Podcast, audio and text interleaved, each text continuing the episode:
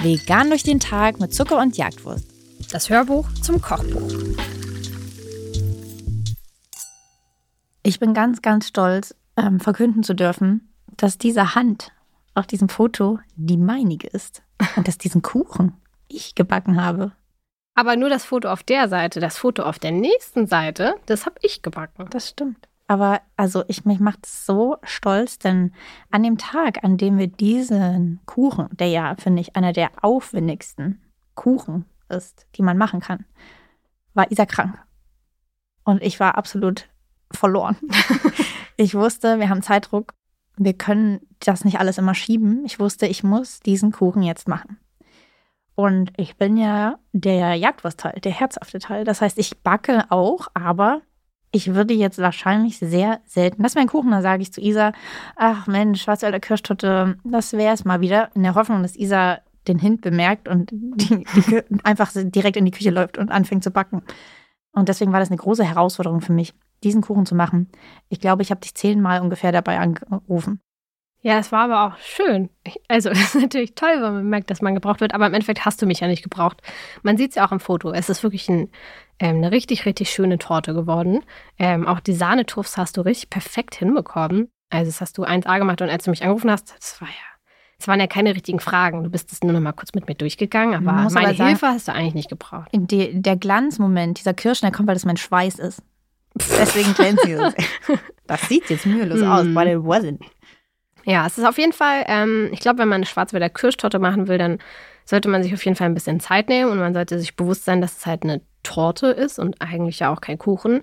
Und man damit ja schlichtweg erstens ein bisschen schichten muss, man muss eine Creme vorbereiten, es geht auch ein bisschen um Deko, also ja, man braucht auf jeden Fall ein bisschen Zeit. Wenn ihr dieses Rezept machen wollt, fangt am besten einen Tag vorher an. Dann könnt ihr schon am Tag vorher den Kuchen backen. Ihr könnt auch schon den Kuchen in Schichten schneiden. Ihr könnt auch schon die Sahne vorbereiten und die richtig schön kalt werden lassen über Nacht. Und dann am nächsten Tag setzt ihr diese Torte nur noch zusammen. Das ist ja auch schon ein kleiner Aufwand. Genau, aber es gibt auf jeden Fall ein paar Tipps, die wir euch mitgeben wollen, wenn ihr diese Torte backt.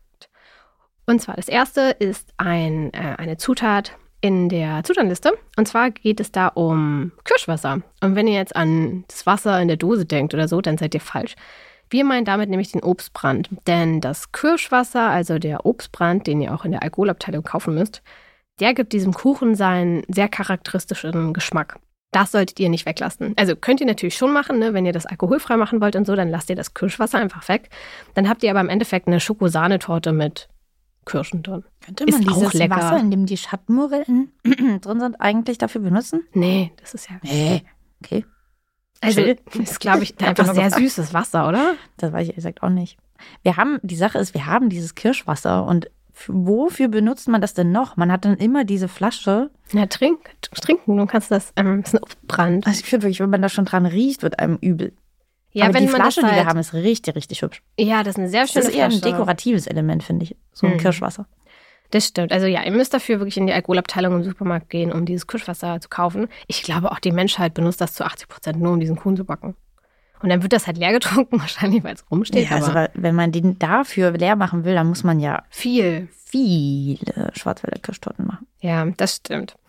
Ich habe aber noch drei Tipps für die Zubereitung von diesem Kuchen. Erstens, wir backen ja einen Schokoladenbiskuit und teilen den dann in drei Schichten. Dafür könnt ihr ein Kuchenmesser nehmen. Ihr könnt aber auch einen Tortenschneider nehmen. Das ist so ein ähm, kleines Gadget, was ihr online findet oder in irgendwelchen Küchenläden.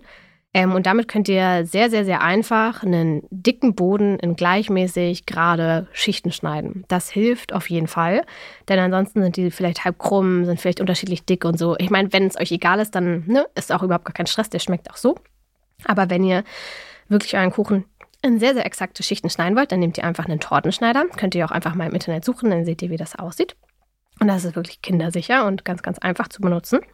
Mein zweiter Tipp ist dann, nehmt euch, um die Sahne aufzutragen, auf jeden Fall einen Spritzbeutel und ähm, macht das sauber in Bahnen. Also sozusagen, dass ihr außen mit einem großen Kreis anfangt mit der Sahne und dann immer weiter Bahnen zieht bis nach innen, dann habt ihr eine gerade Schicht. Weil ähm, wenn ihr eure Sahne da so ein bisschen random rauf, mh, drauf verteilt, dann funktioniert das wahrscheinlich auch, aber wahrscheinlich beim Anschnitt sieht man jetzt nicht, dass wirklich die Sahneschicht sehr, also dann ist vielleicht eine dicker als die andere und so.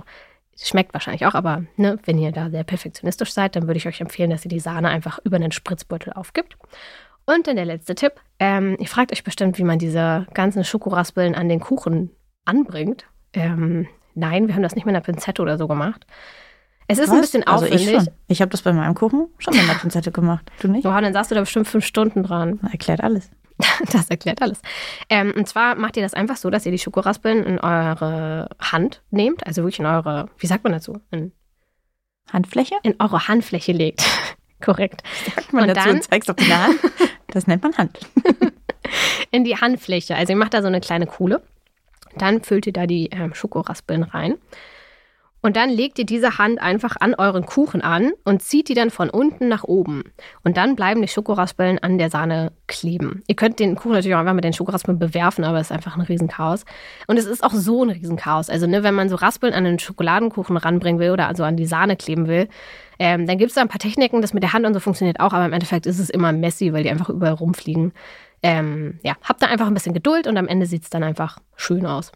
Das ist auf jeden Fall kein Kuchen, wenn ihr mal schnell nee. irgendwas mitbringen wollt. Dann nehmt unsere veganen Quarktaschen, dann ja. nehmt die Brownies. Nicht diesen Kuchen, aber das ist ein richtiges Wochenendprojekt. Auf jeden Fall. Und ich finde den wirklich irre lecker. Und ich kenne sehr viele, die ähm, Schwarzwälder Kirschtorte nie essen oder gar nicht unbedingt mögen und die trotzdem diesen Kuchen sehr gerne haben, weil der wirklich sehr saftig ist. Der ist nicht zu fett.